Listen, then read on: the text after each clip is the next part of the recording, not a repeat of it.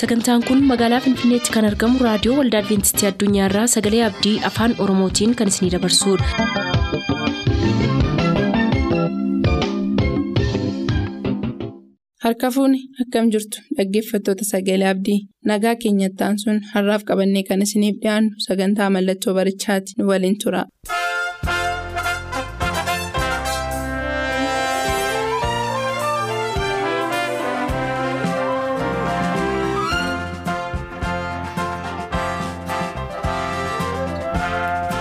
Mallattoo barichaa.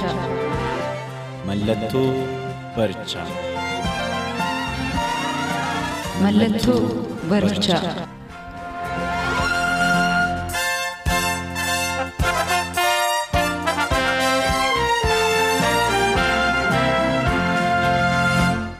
Nagaan gooftaa bakka jirtan maratti isiniif baay'atu jaallatamoof kabajamoo dhaggeeffattoota keenyaa akkam jirtu kun qophii mallattoo barichaati.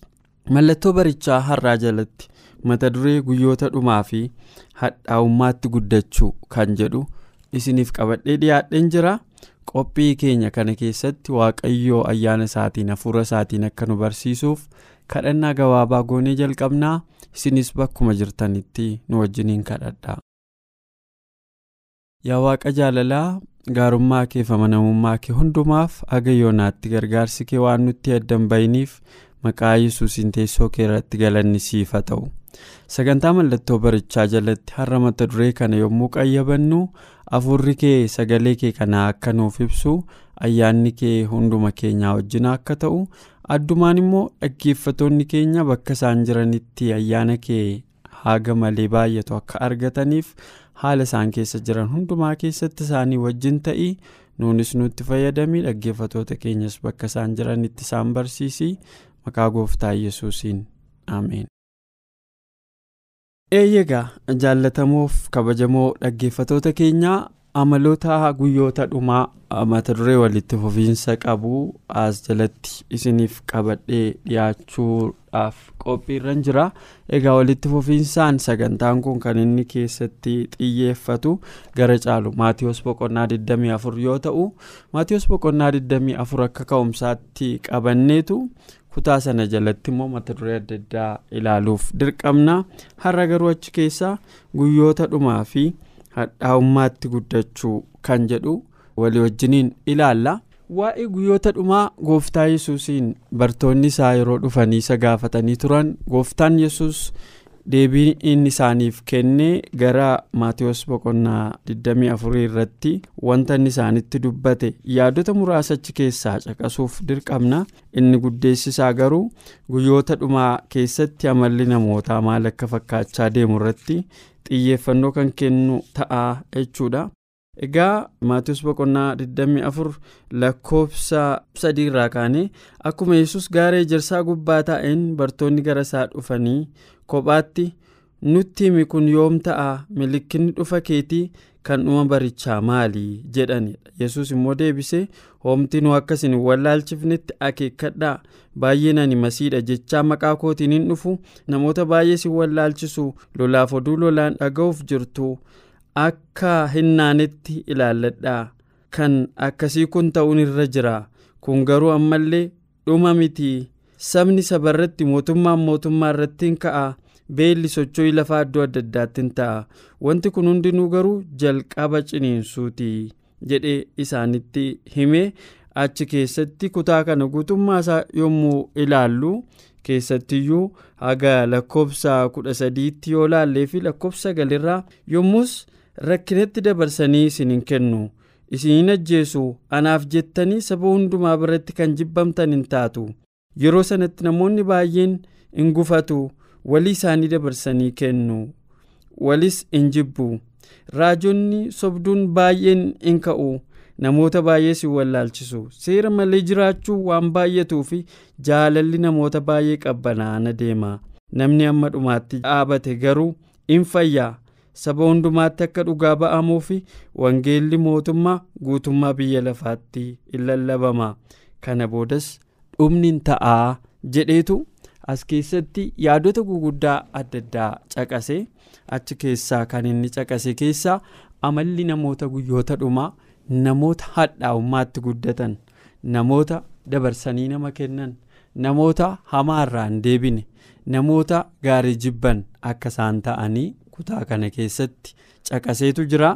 Haa ta'u malee egaa hadhaa'ummaan amala namoota guyyoota dhumaa keessa jiraatanii akka ta'e ragaaleen kitaaba qulqulluu kabiraan maal nutti maaka jedhu achi keessaa waa muraasa. Kutaa kitaaba qulqulluu amma yeroo nuu kenne. Kabiraa ilaalla.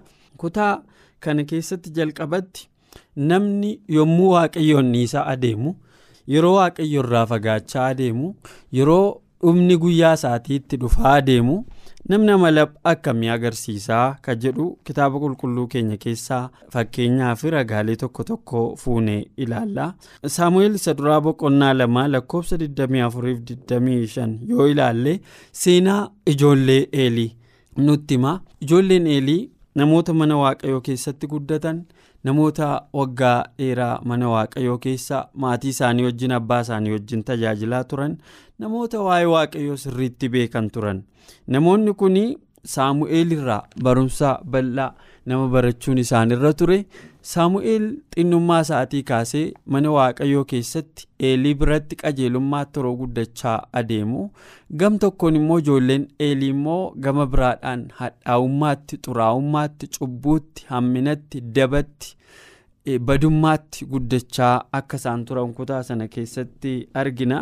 Yeroo dhumaatiif waaqayyo ijoollee eeliitiif yeroo ilaalaa ture akka isaan qajeelanii guddataniif immoo fakkeenya nama isaaniif ta'u nama yeroo hundumaa isaan bira jiraatu nama isaaniif kennee ture. Namooti isaan bira jiraatan kun ragaa isaanitti ta'an jechuudhaan. Fakkeenyaaf saamu'eel manuma eelii keessatti yeroo guddachaa deemu gam tokkoon yeroo inni wanta qajeelaa wanta mishaa wanta gaarii hojjechaa deemu fakkeenya gaarii ta'etu isaanitti agarsiisaa jira. Waaqayyo wajjin jiraachuun hagam akka faayidaa qabu waaqayyo wajjin socho'uun hagam akka inni gaarii ta'e amalli nama waaqayyoo garamii garamitti akka guddachuu qabu isaan barsiisaa hojii akkasii hojjechaa hojii waaqayyoo biraan isatti kennis immoo hojjechaadha. Kan inni jiraachaa ture. Wangeelli bifa adda addaatiin lallabama. Inni tokko jiruuf jireenyaan lallabama. Inni kabiraan immoo warra jiruuf jireenya namootaa hin argineef immoo kunoo akka nuyi kara reediyoo kara tiivii kara sooshaal miidiyaa kara adda addaa kara dandeenyu hunda wangeela qaqqabsiisuuf yaallu kana fageenyaan immoo sagaleedhaan immoo nama barsiisu. Namoonni nurraa fagoo jiran akkaataa jireenya isaanii kan nu hin beekne kan nu hin argine immoo yeroo adda addaatti yeroo nutti lallaban waaqayyo karaa isaanii garaa keenya jijjiiree wangeelaan akka nuyi qaroomnu akka nuyi qaramnu akka nuyi qajeellu nu godha jechuudha. Akkuma kana egaa saamu'eeli lafa isaan mijatetti karaa lallabaatiin lafa kaanitti garuu guyyaa hundumaa jireenya jiraatuun ijoollee. Eeliitiif barumsa baay'ee gaarii kennaa jireenyaan isaan barsiisaa ture. Haa ta'u malee ijoolleen eelii kanarraa hin baranne. Waaqayyo guyyoota baay'ee yeroo isaaniif obse yeroo isaan ilaalaa ture gara dhumaatti guyyoonni isaanii xumuramarra yommuu ga'an guyyoonni eeliif guyyoonni ijoollee eelii kanaa xumurarra yommuu ga'an ijoolleen eelii gara hadhaa'ummaa isa caaluutti guddatan. Mana waaqayyoo keessaa wanta hatamuun irra hin jirre hatuu jalqaban. Lubicha doorsisanii nyaata nuu kenni qabeenya nuu hiri waan nurraa barbaachisu kana nuu kenni yoo kanan gootu ta'e akkas goonaa jedhanii humna isaaniitti fayyadamanii waaqayyoon tuffatanii wanta namni gochuun irra hin jirre gochaa turan. Egaa amalli namoota guyyoonni isaanii xumurame yeroo baay'ee guyyoota dhumaa yommuu jennu yeroo gooftaan yesus dhufu qofa kan ilaallatu miti. Guyyoonni dhumaa kan dhuunfaa dhuunfaa keenyaa jira. Guyyoonni dhumaa immoo kan waliigalaa kan xumuraa addunyaa kanaa jira.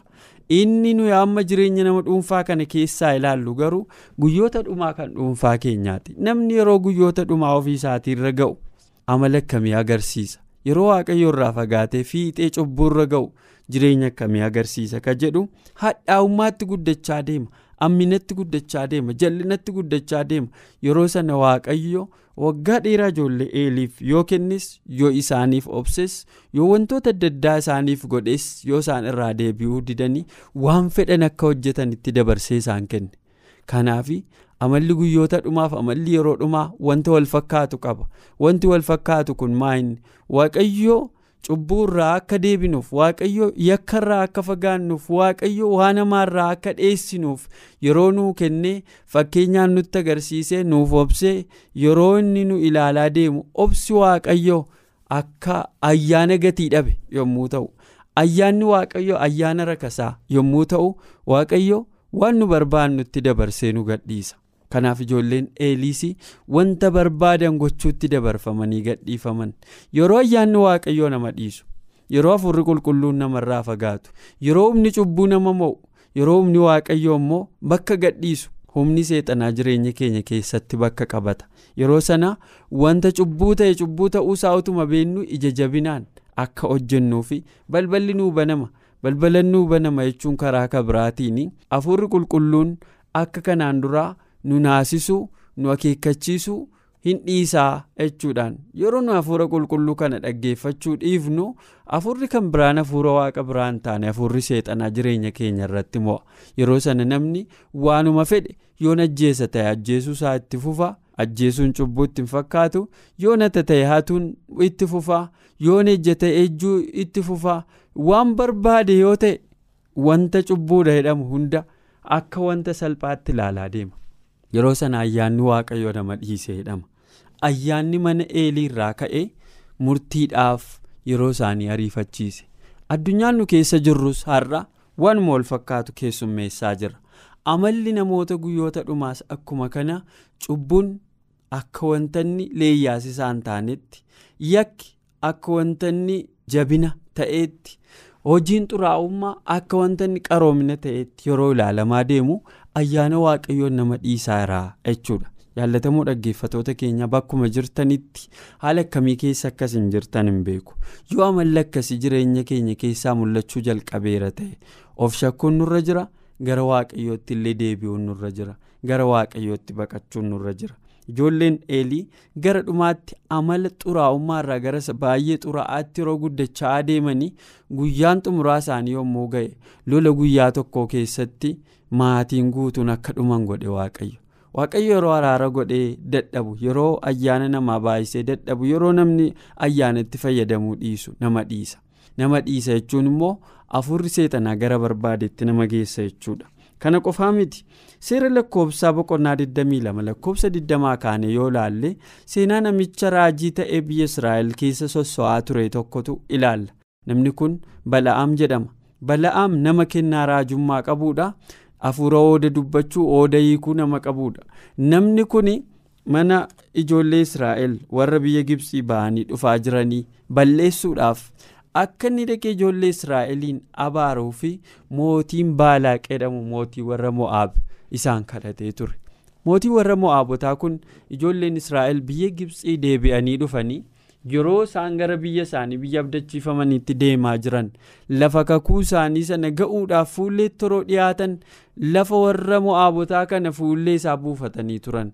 yeroo isaan fuullee sana buufatan mootii warra mo'aabotaa baay'ee isaan sodaate. Baay'ee waan sodaateef jecha immoo wanti inni godhe yoo jiraate nama ooda dubbatu nama arrabisaa yoo eebbise eebbisuun fiixaan ba'u. Nama yoo abaare abaarsisaa fiixaan ba'u namoota kennaa addaa qaban kana namoota akkasii barbaaduu jalqabe. Yeroos nama bala'aam jedhamu argate. Bala'aam kun akka raajiiti. Yoo eebbiseen eebbifama ture. yoo na baare namni na baarama ture kennaa addaa ture kennaan inni qabu. Kennaa isaa sana seeraan alatti fayyadamee ijoollee israa'eliin abaaree lafarraa balleessee maallaqa barbaadu argachuudhaaf yeroo baay'ee waaqayyo wajjin wallaansoo wal qabe. Gaafa balaaq gara bala'aamitti keessummootaaf namoota guguddoota ergee akka inni dhaqee ijoollee israa'eliin isaaf abaaru gaafachaa ture sana balaam yeroo galgalaa'e waaqayyoon mariisisee ture. dhaaqumoo dhiisuu hedhee waaqayyoon gaafate. Waaqayyo hin naqin ittiin jedhe gaafa jalqabaa. Ammas irra deebi'ee gaafate. Hin naqin ittiin jedhe ammas waaqayyo. Gaafa kabraa ammas namni balaaq bala'aamitti erge kun yeroo dhufanii namoota guguddaa warra kaleessaa caalaa kabaja qaban warra kennaa abdachiisan kennaa guguddaas abdachiisan namoota akkasii ture. Namoota akkasii kun egaa yeroo dhufan bala'aamiin bira. waan baay'ee isaa abdachiisan hin gammade. Kennaan kun laphee isaa rukute. Kennaa waaqa biraa isaaf kenname kanaan namoota ijoollee waaqayyoo ta'an kana abaaree balleessee sooressa ta'uu abaarsaa kanaan galii argachuu godhee ture kaayyoosaa yeroo sana waaqayyoon ammas irra deebi'ee gaafate. Dhaqumoo dhiisu ammas gaa kunoo balaaqe nama natti ergeeraa jedhee waaqayyoon gaafate. Dhaq ittiin jedhe waaqayyo. Maaliif akka dhaqe beektu ee yeroo nuyi waaqayyo wallaansoo qabne lakki yennee yakka hojjechuutti fiignu waaqayyo nu obsa ayyaana nu baay'isaa nu gargaaraa irraa nu ittisaa hafuura isaatiin nutti dheekkamaa nu ifataa nu qajeelchaa garuu yoo nu idinnee cubbuu sana fuula baafanne dhaqinuun jedha waaqayyo. Waaqa dirqamaan nama dhiphisee waaqa dirqamaan nama rakkisee jireenya ofii barbaadu karaa ofii barbaadu yaada ofii barbaadu keessatti nama cuuphuu barbaadu miti. Waaqa fedhaaf jaalalatti amanuudha inni waaqa jaalalaati kan jechisiise kanaaf yoo jaalalli nu hin binne inni dirqamaan ergamoota samii nutti ramadee nu hidhuu nu tiksuu nu eeguu nu takaaluun barbaadu filannoo keenyaan akka geggeeffamnu godha. Yommuu sana bala'amiin dhaqittiin jedhe. Bala'am halkana deemaa bule. Deemeetu deeme deeme. Karaan barbaachifne tokkorra yommuu ga'u ergamaa waaqayyoo harree inni fe'atee adeemaa ture dura dhaabbatee itti mul'ate. Utuu inni ergamaa waaqayyoo hin argin namni hafuurri waaqayyoo irraa fagaate akkasi. Utuu inni ergamaa waaqayyoo hin argin harreen isheen bineensa manaa taate ergamaa waaqayyoo argite. Ergamaa waaqayyoo qofa miti. Badiisa sattasa deemaa yeroo argite. Badiisa sana isa oolchuuf jecha yeroo meeqa karaa irraa kaattee yeroo isheen asiifachi fiiddu harree sana reebee hamma ajjeesutti reebaa ture achi booda waaqayyo harree sanaaf afaan ishee fi akka isheen afaan bala'aan beekuun itti haasoftu godhe. Bala'aamitti maaf na ajjeeftan kanaan dura kana si godhee hin beeku. Innaan eeyyee dhugaadhaarra maaf akkas na gooteree jedheetti deebise. Kunoo ergamaa waaqayyoo billaa baatee na dura dhaabbachaa jira kanaaf itti adeemuu hin dandeenye kanaaf yeroo tokko dallaatti geessee si rakkisee yeroo tokko karaarraa kaadheen akkas godhe yeroon kana hundumaa godhu ergamaa waaqayyoo na dura dhaabbataa jira ittiin jette. Jaallatamoo dhaggeeffatoota keenya afurri waaqayyoo yommuu nurraa fagaatu jaamummaatu nurratti mo'a. Afurri waaqayyoo yommuu nurraa fagaatu hubannaatu nu keessaa dhiba afurri waaqayyo yommuu nurraa fagaatu wanta feene sana qofa argachuu faana baana. Afurri waaqayyo yommuu nurraa fagaatu sassatummaatu nurratti mo'a. Bal'aam waan ittiin jiraatu namni. Hin qaba ture. Nama jiraachuu danda'udha garuu saba waaqayyoo abaare malee boqodhu yeroo inni ittiin jedhe waaqayyo karaa adda addaa itti dubbate. Andu'arraa si oolchuuf rakkoo keessa ture ittiin jette harreen. Yeroo afurri waaqayyoo namarraa fagaatu namni jaamaa ta'a. Waan fedhe godha hin qaana'u hin leeyya'u. Sababa kanaaf waaqayyo bala'amiin dhaqittiin jedhe. Gara dhumaatti bala'am yeroo inni gaara isaaf ramadame sanarra ga'ee dhaqee achi dhaqee abaare sana abaaruu yeroo inni dhaqe waaqayyo afaan isaa keessa eebba kaa'e. Nama waaqayyo eebbise eenyutu abaaruu danda'a? Achi ga'e waan godhu waan dhabeef nama waaqayyo jaallate eenyu jibbuu danda'a kunoo isaan akka cirracha garaanaati abaarsaan namoota badan miti ittiin jedheen. Yeroo sana abaaruu yoo baateyyuu akka kitaabni mul'ataa nutti himutti bala'aami karaa kamiin ijoolleen israa'el kufuu akka danda'anii mootii balaaqitti himee ture.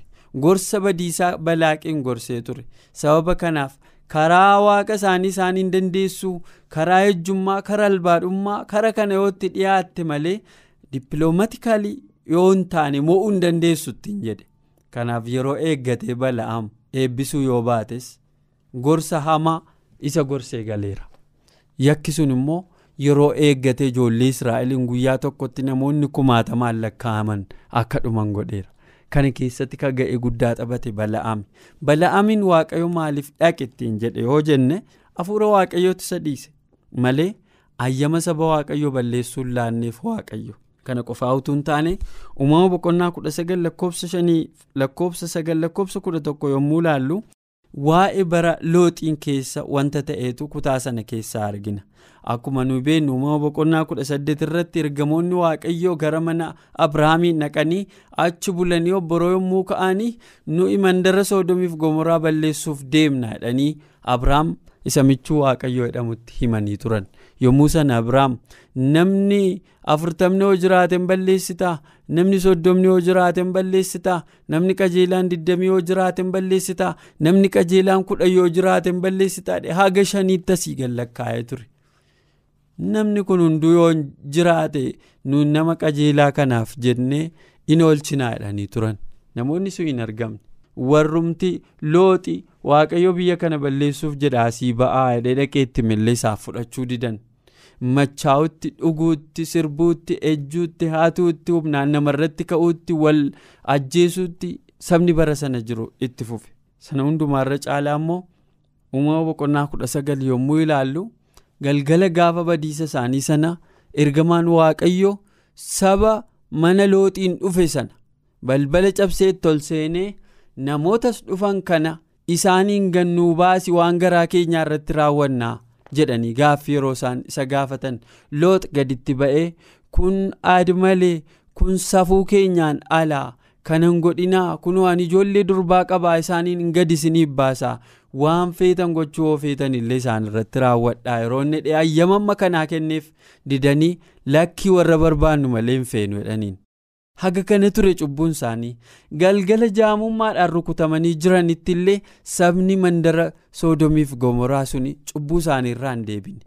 yeroo yakki namaa fiixee cubbuu barbaachisaa irra ga'u namni cubbuu isaatiin baduuf ittumaa caalchisee cubbuu irratti cubbuu dalaga yakka irratti yakka dalaga galgala gaafa warri soodomiif gamoraa baduuf jedhan illee warri soodom cubbuu kanaan dura hojjetamee hin beekne isa baay'ee jibbisiisa isa baay'ee fokkisaa kara seera uumamaa alaa namni nama bira ga'u yakka akkasii hojjechuu irra turan.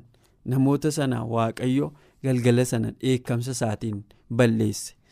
Bokkaa abiddaa samii irraatti roobse. Dhagaa boba'u samii keessaatti roobse. Kanaaf namni yeroo cubbuutti guddatu hadhaa'ummaatti yeroo guddatu yeroo amalli namoota guyyaan xumuraa isaaniitti ga'e akkasi cubbuu irraan deebi'an. Ittumaa qara ba'u. Cubbuu faana dha'u cubbuun sodaatan cubbuun isaan hin naasisu.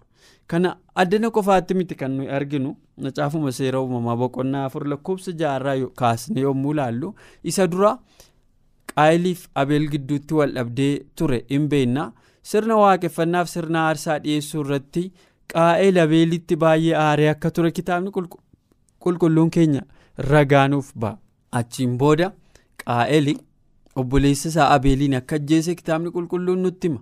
Yeroo obboleessa isaa kana ajjeese dura waaqayyo yaa qaa'el cubbuun balbala keetti hin qaxxisaa ati garuu isa irratti mo'ii jedhee itti mee ture akka obboleessa isaa hin ajjeefneef. Sanumarra darbee cubbuun keessa isaatti waan mo'eef obboleessa isaa ajjeese.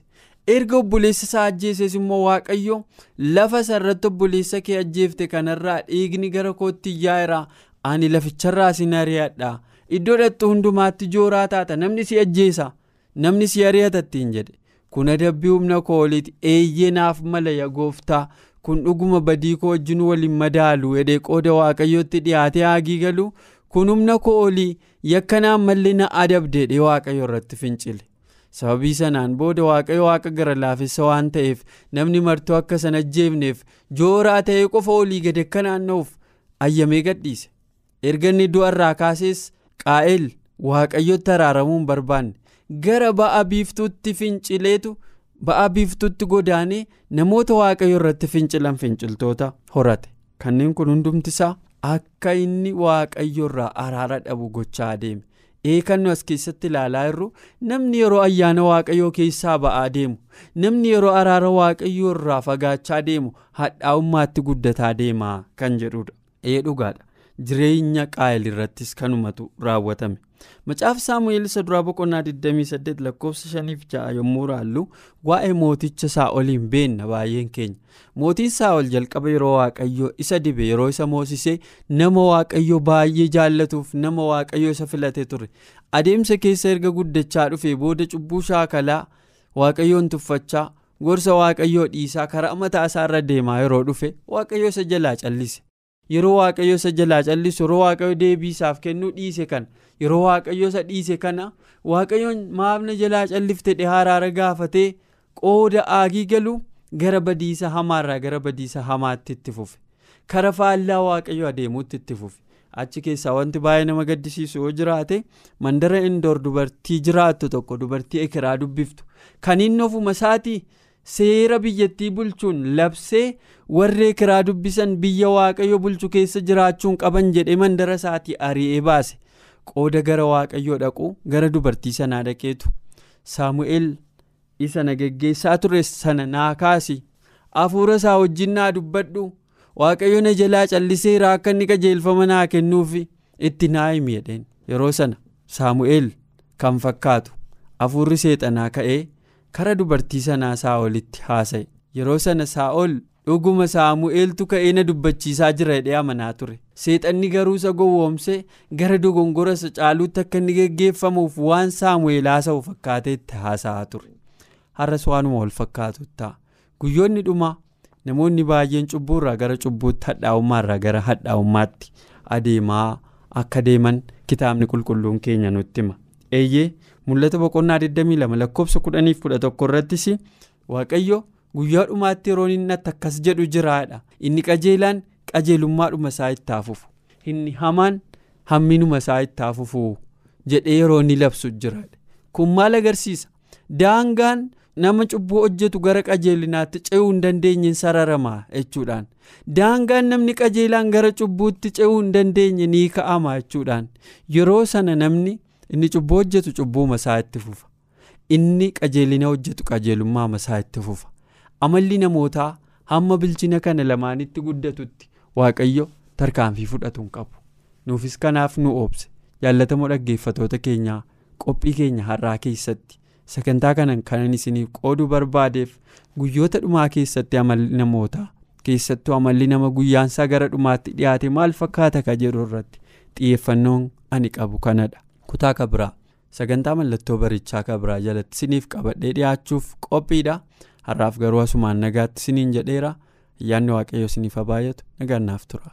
Sagantaa keenyaan eebbifamaa akka turtan abdachaa kanarraaf jenne xumurreerra. Nuuf bilbiluu kan barbaaddan lakkoofsa bilbila keenyaa Duwwaa 11 551 11 99 Duwwaa 11 551 11 99 nuuf barreessuu kan barbaadaniif ammoo lakkoofsa saanduqa poostaa 45 Finfinnee lakkoofsa saanduqa poostaa 45 Finfinnee.